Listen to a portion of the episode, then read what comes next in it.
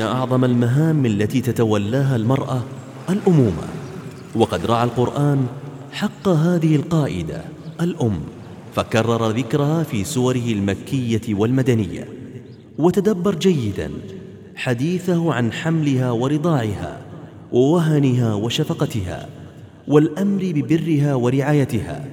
وتأمل كيف جسد القرآن البر الحقيقي بها من غير ربط لذلك بيوم في العام. فالأم في نفوس أهل القرآن ملء السمع والبصر. الدكتورة ابتسام الجابري.